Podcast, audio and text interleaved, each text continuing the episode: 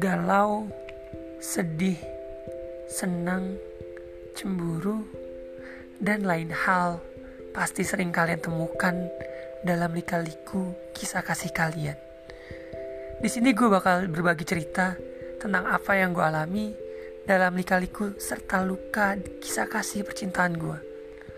Lu bakal tahu seberapa bullshit semua perkataan yang pasangan lu katakan. So, dengerin cerita gue dan seberapa benar apa yang gue katakan dalam cerita kisah kasih kalian.